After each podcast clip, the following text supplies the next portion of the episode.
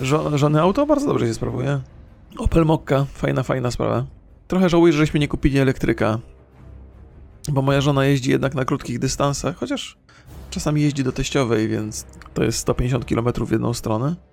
Ale to też chyba w zasięgu elektryka 300 km, nie? Tym bardziej, że można ładować chyba z gniazdka, bo one mają tam jakieś tam mają urządzenie do e, konwertowania tego prądu z gniazdka. No, pe pewnie długo by to trwało, ale. Ale moja żona jeździ do teściowej, jest tam 8 godzin i potem wraca, więc myślę, że przez 8 godzin to. To może hybrydę? No, hybryda. mm, No, ja mam hybrydę, ale hybryda ma to do siebie, że ona jest raczej. Bo to hybryda jest tak skonstruowana, że nie jeździsz praktycznie na tym silniku elektrycznym. Jeździsz na nim tylko po to, żeby jakby zwiększyć moc, albo żeby na bardzo niewielkiej mocy sobie pop- popchnąć samochód dodatkowo. No opowiadałem o tym całkiem niedawno, żeśmy rozmawiali. Ja na jak je- jeżdż- jeżdżąc na hybrydzie, to ona mi, silnik elektryczny mi działa do tam 30-35 km na godzinę. Mm, Albo jak już jestem rozpędzony i tylko, i tylko trochę zwiększam, żeby utrzymać na przykład 120, to wtedy elektryk e, działa indywidualnie i silnik spalinowy jest bardzo rzadko odpalany. E, Ale nie, nie jeździsz na samym elektryku. Przynajmniej w, w Toyocie tak jest, bo może są hybrydy takie, że, że jedziesz z elektryka cały czas, ale to. U mnie to jest po prostu dodatkowa moc dla silnika. Są trzy rodzaje hybryd: zwykła, miękka i plug-in. Na tej ostatniej masz normalne baterie, które ładujesz z gniazdka i możesz jeździć na elektryku. Tak, tak, tak, wiem, wiem. To jest fajna sprawa, że, że możesz jeździć na tym elektryku kilkadziesiąt kilometrów, bo to na takie właśnie miejskie trasy jest bardzo dobre rozwiązanie. Na dłuższych trasach korzystasz z silnika spalinowego, na tych krótszych z elektryka i oszczędność jest chyba największa wtedy. Chociaż mam takie poczucie, że te 6,7 litra e, paliwa na stówę to jest, to jest dobry wynik, więc i tak oszczędność jest bardzo duża. No ale teraz jak mówię, no. Teraz mam, jestem na takim etapie życia, że jeżdżę samochodem tylko wtedy, kiedy muszę. Masz Skoda 1.4, która w mieście pali 7. No. No, no, no. Ta, ta trawka ma chyba 2,5. I super komfortowo się jedzie na tym, tym autem. Miałem kilka aut gdzieś tam. yy, yy, zawsze były nowe, jak kupowałem, ale, ale RAV4 robi na mnie ogromne wrażenie. Jest po prostu wsiadanie do tego auta to jest sama przyjemność. Innymi samochodami już się męczyłem. Raz, że, że już się najeździłem w życiu, więc nie mam takiej radochy strasznej. Ale druga sprawa jest taka, że człowiek się leniwy robi. Manualna skrzynia biegów jest. Ah, automat to jest genialna sprawa. Na automat to ja zachorowałem już w 2000. W którym to było roku? W 2012, jak żeśmy do Stanów pojechali z Rojem i wtedy pierwszy raz jeździłem autem z, z automatyczną skrzynią biegów. To genialna sprawa była wtedy mi się. I od, ta, od tamtego czasu chciałem sobie kupić automat, ale albo w Polsce nie było, albo były drogie. I... No i teraz, teraz wreszcie kupiłem sobie automat dwa lata temu i jest fajnie. Też się zastanawiam, że taka trochę pro propaganda była w Polsce, że manuale są lepsze, że automaty. Ale ta propaganda chyba wynikała z tego, że cały czas była technologia i chcieli sprzedawać te auta manualne i ludzie podchwytywali, że manual, że lepsze przyspieszenia, że kontrola nad samochodem. Ale seria, po 20 latach jeżdżenia manualem to jest tak jakbyś się przesiadł, nie wiem. Nie wiem jak to w ogóle porównać. Nie propaganda, tylko cebula? Może. Automaty wcale nie muszą być droższe, to jest kwestia yy, chyba ilości sprzedanych egzemplarzy.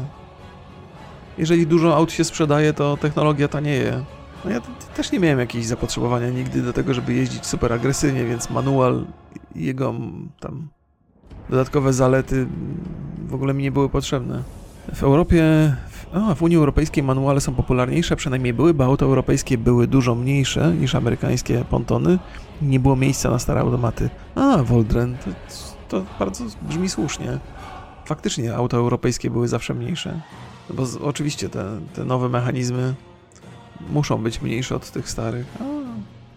Zresztą wydaje mi się, że manualne skrzynie biegów, jak też, też jak sobie przypomnę e, różne historie, zanim kupiłem pierwszy automat i to też było, podobno automaty były dużo bardziej zawodne, a na, koszt naprawy sk- automatycznej skrzyni biegów był znacznie wyższy, ale zakładam, że dzisiaj to się zmieniło, bo no, że automaty dzisiaj są dużo bardziej niezawodne, no bo są automatyczne, nie? Tam błąd kierowcy nie wchodzi w rachubę, to wszystko mechanizm zrobi. A koszt naprawy pewnie jest wysoki, ale te stare automaty wcale nie były przyjemniejsze do jazdy niż manuale? No, być może. Trudno mi powiedzieć, nie mam punktu odniesienia.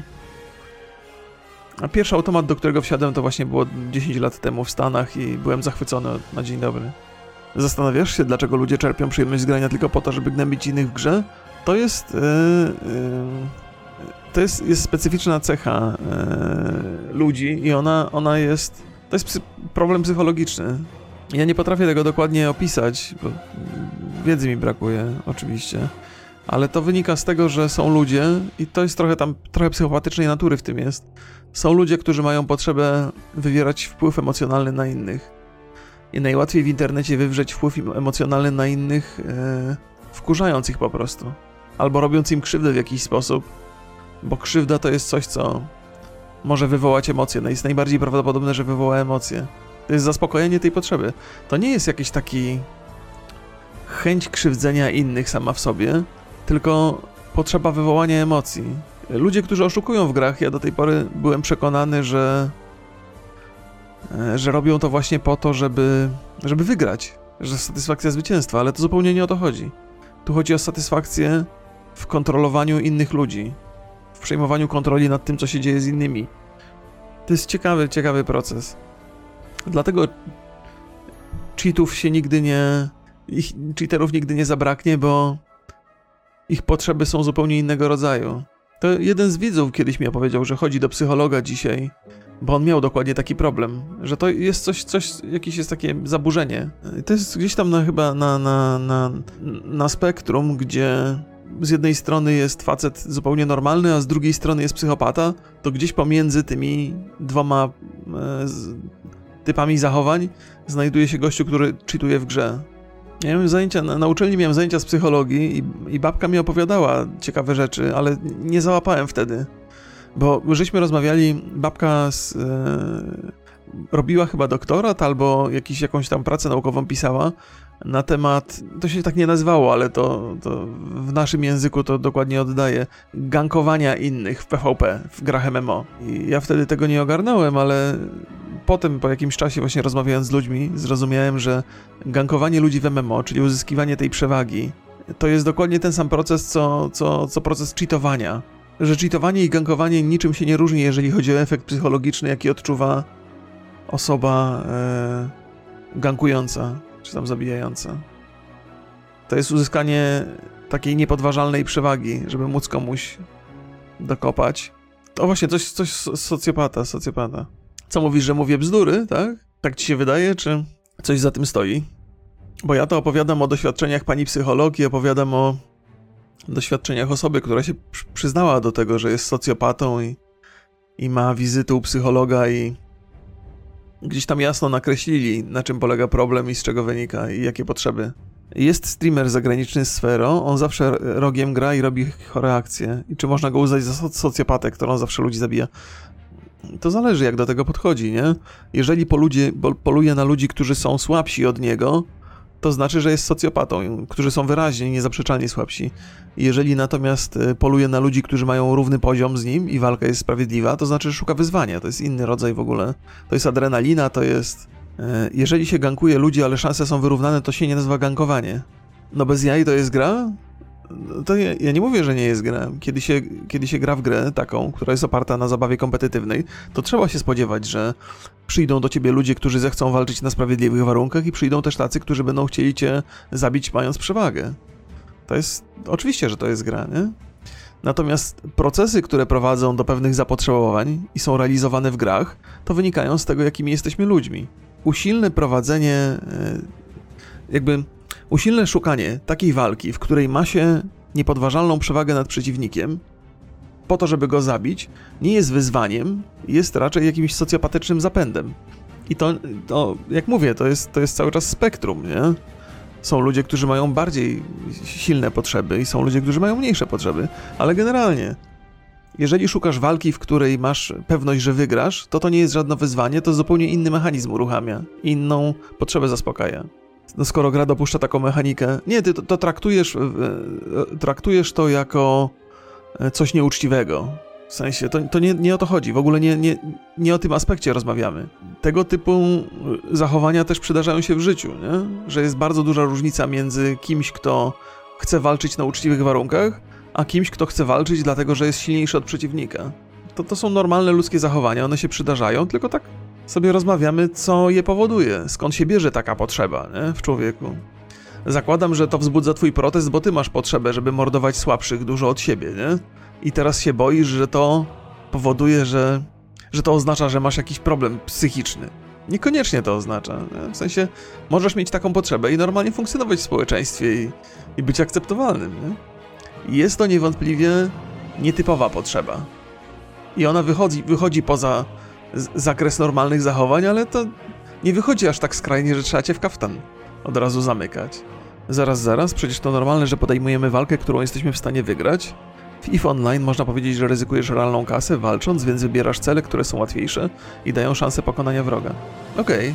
Wydaje mi się, że to jest bardzo celna uwaga, nie? Wszystko było jasne. Nie wydaje mi się, żeby ona do końca dotyczyła yy, tego, o czym rozmawiamy. Bo też jest mia jeszcze dodatkowym aspektem, o którym żeśmy w ogóle nie rozmawiali, jest korzyść, jaką uzyskujesz, nie? To, o czym mówisz w Online, czy nawet podejmując walkę y, w biznesie, nie? Walcząc z konkurencją, to jest bilans zysków i strat. Nie robisz tego po to, żeby zaspokoić swoją osobistą potrzebę, że, że ten raż e, przyjemności wynika z tego, że pokonałeś przeciwnika, tylko z tego, że uzyskałeś jakąś korzyść. Czyli zapolowanie na przeciwnika, który jest słabszy, przynosi ci realną korzyść w grze, zdobywasz coś. Natomiast na przykład, jeżeli jesteśmy w WoWie, to polując na przeciwnika, który jest od ciebie słabszy o 15-20 poziomów, nie dostajesz nic kompletnie. Nic nie uzyskujesz z tego. Nie dostajesz punktów honoru, nie masz, nie masz, nie masz żadnej mechaniki, która nagradza cię za to. Więc, więc tu jest różnica. To jest, to jest słuszny argument w dyskusji, ale wydaje mi się, że on jakby porusza trochę inne kwestie. To są ciekawe tematy. Ja nie chcę, żeby ktoś pomyślał, że ja tutaj. E, po pierwsze, to wspomniałem parę razy. W żadnym razie nie stawiam znaku równości między oszukiwaniem a, a wykorzystywaniem mechanizmów w grze, żeby pokonywać słabszych przeciwników. To, to, to, to nie jest to. Uważam tylko, że podobny efekt psychologiczny to wywołuje na graczu, ale, ale dużo lepsze są. Dużo lepsi są gracze, którzy nie oszukują, no. Nie ma o czym mówić. A to kolejny argument że kiedy mamy do czynienia z dwoma frakcjami różnymi, no to zabicie słabszego przeciwnika jest także mm, w celu pognębienia słab frakcji. Tak? No ale to też jest niewymierne. W sensie pognębienie słabszego, po pognębienie frakcji odbywa się tylko dla ciebie, bo oni nic nie tracą na tym, a ty nic nie zyskujesz. Więc to jest raczej efekt psychologiczny. No ale, ale, ale oczywiście, no sportowa rywalizacja dwóch frakcji ze sobą. Nie wszystko jest proste, nie wszystko jest oczywiste, wszystko jest na spektrum. To nawet jak się, jak się rozmawia o takich rzeczach, które są związane z psychologią, e, to jest bardzo dużo zmiennych i nie sposób tego jakoś super precyzyjnie opowiedzieć. Ale ostatecznie wydaje mi się, że dosyć dobrze się ten temat udało ugryźć.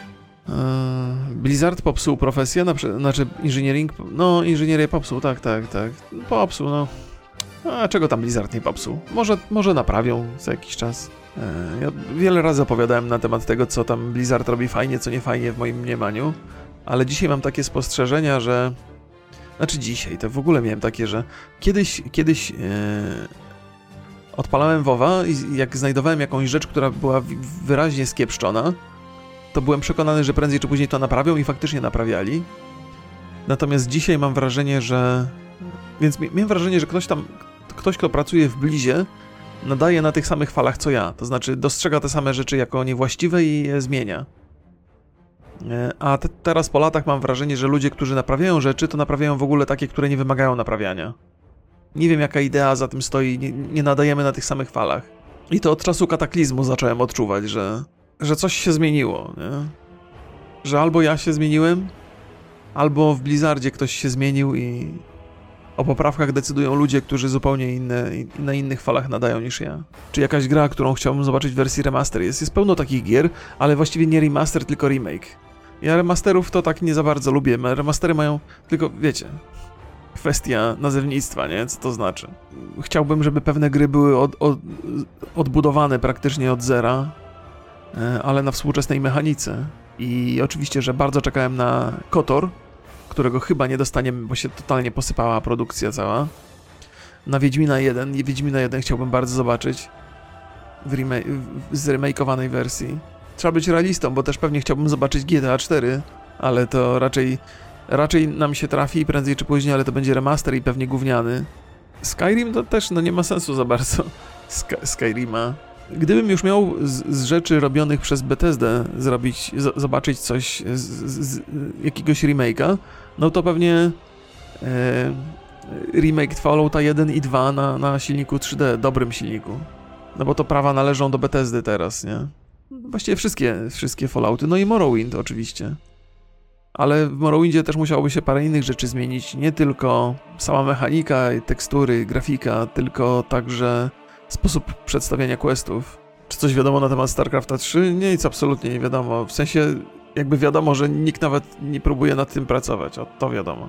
Gdzie na swojej liście seriali umieściłbym Arkane od Riotu? Chodzi ci o klasyfikację? Nie mam pojęcia. E, to jest na pewno serial, który jest wart uwagi. O, o, o, tyle, tyle bym powiedział, ale ciężko mi porównać na przykład Arkane i e, Jacka Ryana, albo Arkane i, i, i to, to, się, to się nie da tak zestawić. Arkane jest pewną charakterystyczną kategorią, taką niszową powiedziałbym, bo to mamy do czynienia z animacją, więc to jest pierwsza oddzielna kategoria, plus druga jest taka, że to jest mm, produkt pochodzący z gry, której lore trochę znam, więc to jest też dodatkowy plus. Nie? Więc w ocenie tego serialu musiałbym brać pod uwagę moje osobiste sentymenty. Jest, jest, jest absolutnie wart obejrzenia. Każdy powinien go obejrzeć, bo jest dobry. Czy ja będę się skupiał na, na Lich Kingu, czy, czy Dragonflighta? Będę grał na pewno Lich Kinga. E, jak wyjdzie Dragonflight, to, to na pewno Dragonflighta też pogram. Ale będę grał na zupełnie nowym serwerze, żeby zacząć od zera, bo za dużo mam postaci na tych, za, za, za dużo i za mocne są i Chcia, chciałbym zacząć od zera na nowym dodatku. Czy pamiętam jakieś ciekawe anegdoty albo powiadania przodków związane z czasami, kiedy twoje rodzinne tereny były niemieckie? Nie pamiętam, ja generalnie mam problem z anegdotami, nie potrafię ich wymyślać, znaczy nie potrafię takich wyciągać z rękawa ni stąd, ni zowąd. Mogę natomiast powiedzieć, że y, cała moja rodzina y, mieszkała w terenach, które, na terenach, które nigdy nie były niemieckie. Rodzina ze strony mojej mamy y, pochodzi z, z Kresów, a mój tato z głębokiej, zapadniętej, zabitej deskami wioski, na której w ogóle nikt nie wiedział, w jakim kraju się znajdują i w jakich czasach. Więc nie, nawet gdybym miał jakieś historie, znaczy nie mam tych historii, tak. Nic tu nie wymyślę. Czy chodziłem na kurs angielskiego? Chodziłem do tam różnych szkółek, ale raczej nie powiedziałbym, że to kurs. Na przestrzeni swojego życia to parę razy, owszem, próbowałem się języka angielskiego nauczyć ze szkoły czy tam z jakiegoś kursu, ale efekt był praktycznie żaden. No ale to była okazja, żeby trochę podszlifować, pogadać po angielsku. Pytasz o ten język angielski, co, co największy, gdzie największa korzyść była. Myślę, że to, że trochę miałem zapotrzebowanie, żeby się samemu uczyć, ale głównie filmy. W Polsce się pojawiła telewizja satelitarna, jak byłem młody. I to nie była tłumaczona telewizja, wszystko było po angielsku, więc yy, się oglądało jakieś filmy, których się kompletnie nie rozumiało, a były dużo lepsze od tego, co leciało w telewizji polskiej. Więc stąd to się, to się głównie wzięło. Eee, czy historia za, została powiedziana o siłowni? Nie, nie została powiedziana. Właśnie byłem ciekaw, kto z Państwa przypomni, że, że mam historię do opowiedzenia. No to, to nie jest taka historia, tak w, pełnej krasie, bo może w ogóle to nie jest historia. Eee, ale pierwszy raz chodziłem na siłownię po sąsiedzku praktycznie. Ktoś, taka młoda babka w mieszkaniu w okolicy mojego bloku założyła taki salon masażu i siłownię. Ja wiem, że to śmieszki od razu, dziewczyna założyła salon masażu, hehe, ale nie, zupełnie poważnie, autentycznie. E, I w jednym pokoju był ten, ten, ten łóżko do masażu, w drugim była siłownia. Ja korzystałem z siłowni. I ona, ona nie, nie wiem jakie miała wykształcenie, jakieś takie miała wykształcenie, które było związane z ruchem e, i miała podstawy, żeby, żeby uczyć. Ale sama nie była jakąś sportsmenką czy coś. Pierwsze parę zajęć właśnie miałem, miałem u niej Właściwie dosyć długo tam chodziłem i bardzo to było korzystne dla mnie. W końcu mi się znudziło i to był błąd, powinienem był, był trzymać się tego.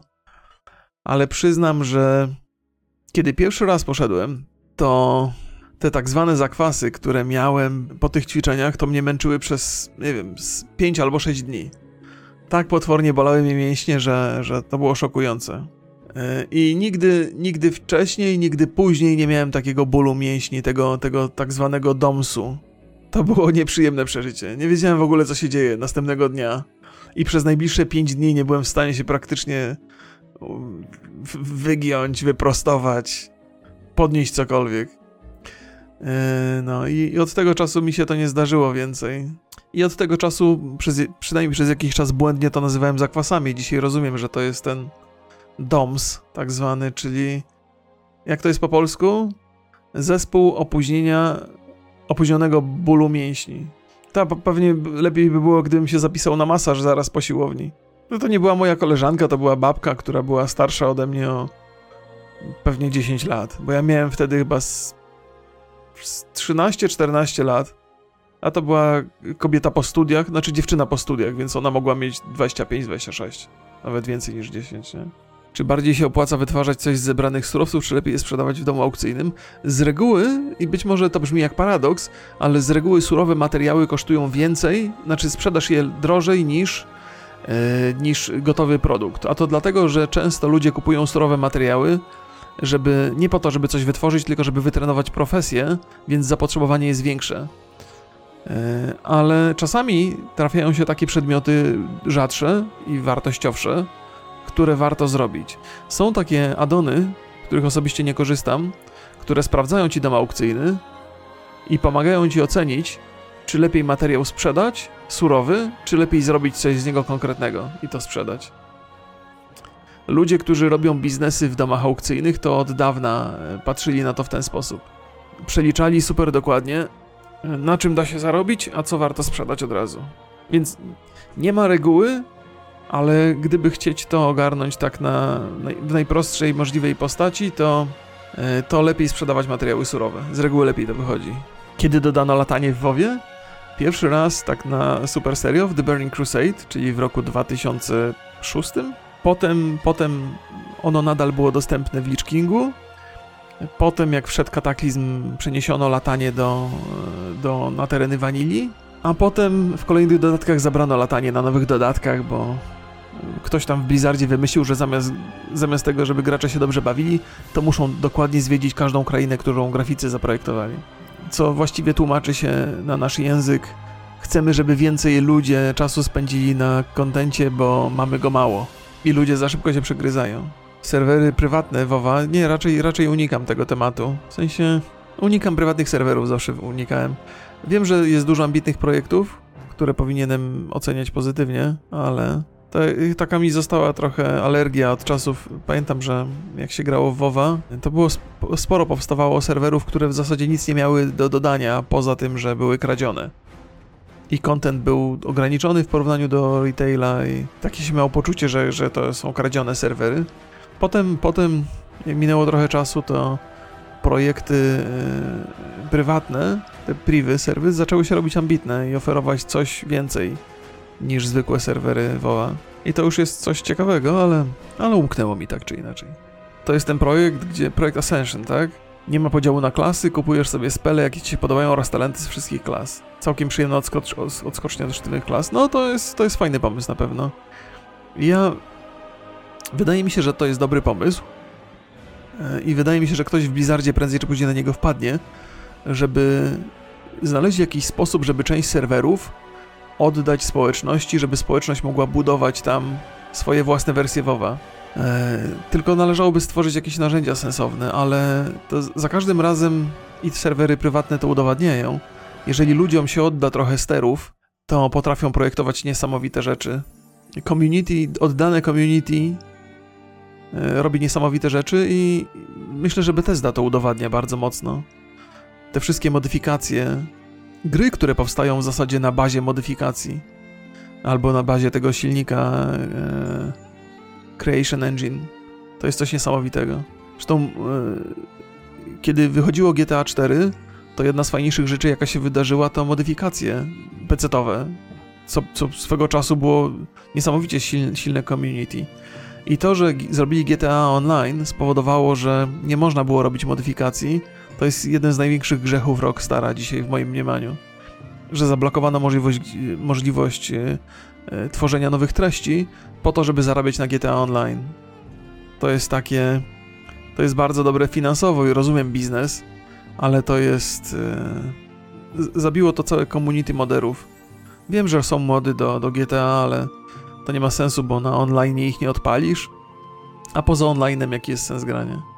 Więc yy, wydaje mi się, że to jest fantastyczne w ogóle narzędzie do tworzenia gry, że yy, jeżeli masz już projekt, który jest grą usługą i który funkcjonuje wiele lat, to jednym z ważniejszych zadań jest oczywiście upgrade'owanie tego projektu i poprawianie tych wszystkich rzeczy, ale także yy, zagwarantowanie narzędzi dla community. To powinien, powinien być równoległy projekt. Stworzenie, stworzenie gry w ten sposób, żeby społeczność mogła w jakiś sposób modyfikować. Co znajduje się w mojej topce indyków? Slay the Spire i Monster Train e, i nie wiem co jeszcze. Ciągle szukam wśród indyków takiej gry, która byłaby ciekawie rozbudowanym RPG-iem, niezbudowanym na bazie Dungeons and Dragons i nie mogę znaleźć. E, e, Solasta jest fajna. O, już wiem. Już mówię. Encased przez C pisane, Encased, Encased. To jest też indyk i też RPG zbliżony do klasycznych Falloutów, świetna gra.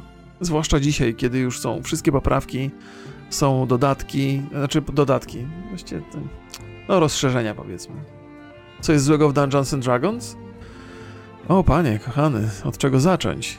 E, chyba najważniejsze w Dungeons and Dragons jest to, że jest to system projektowany do obsługi przez mistrza gry.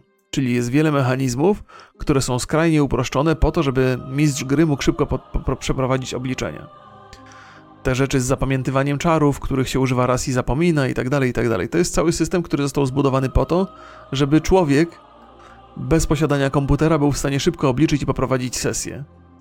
I zaimplementowanie tego do komputerów było największym grzechem, w, w ogóle w przenoszeniu gier fabularnych do komputerów, jak, jaki kiedykolwiek popełniono. Z drugiej strony oczywiście są ludzie, którzy uwielbiają te systemy i są sentymentalni i chcą w to grać, ale dla mnie to jest to jest katastrofa.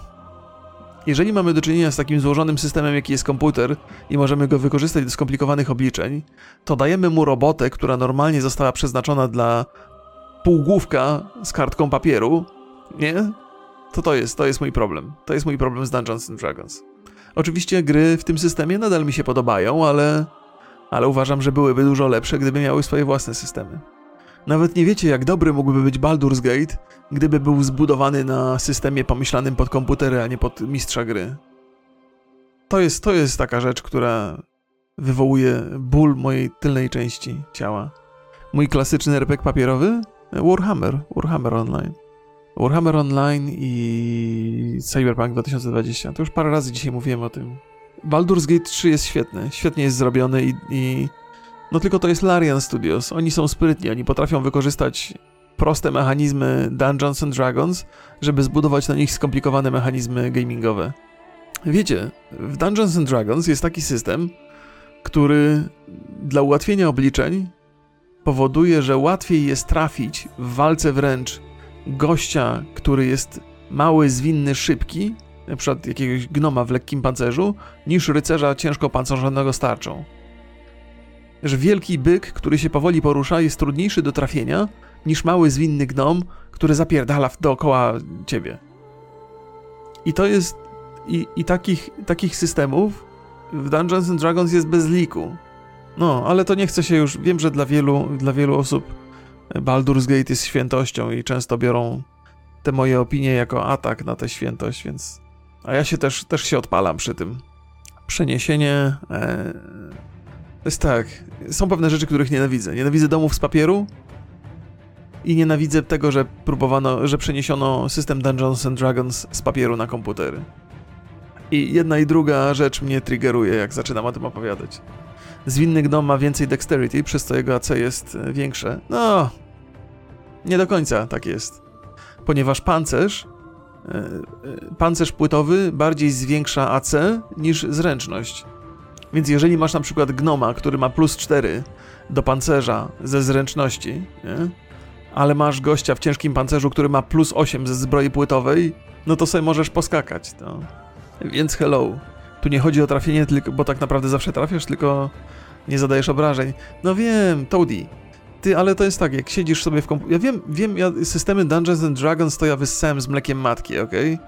Wiem, co to wszystko oznacza, ale jak siedzisz przed komputerem i masz swoich bohaterów, którzy machają mieczami, to widzisz, co widzisz? Mis, mis, mis, mis.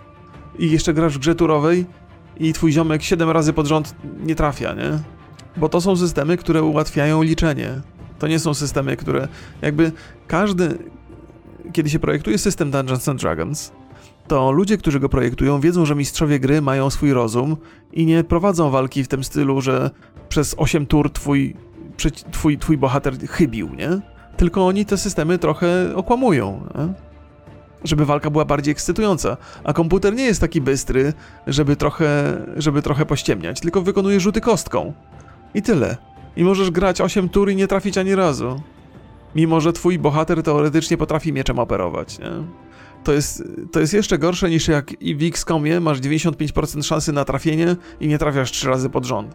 No więc, no ale to, to jest historia. Dzisiaj, dzisiaj Larian e, używa Dungeons and Dragons e, w Baldur's Gate 3 i robią to z polotem i robią to sensownie i, i, i jest git.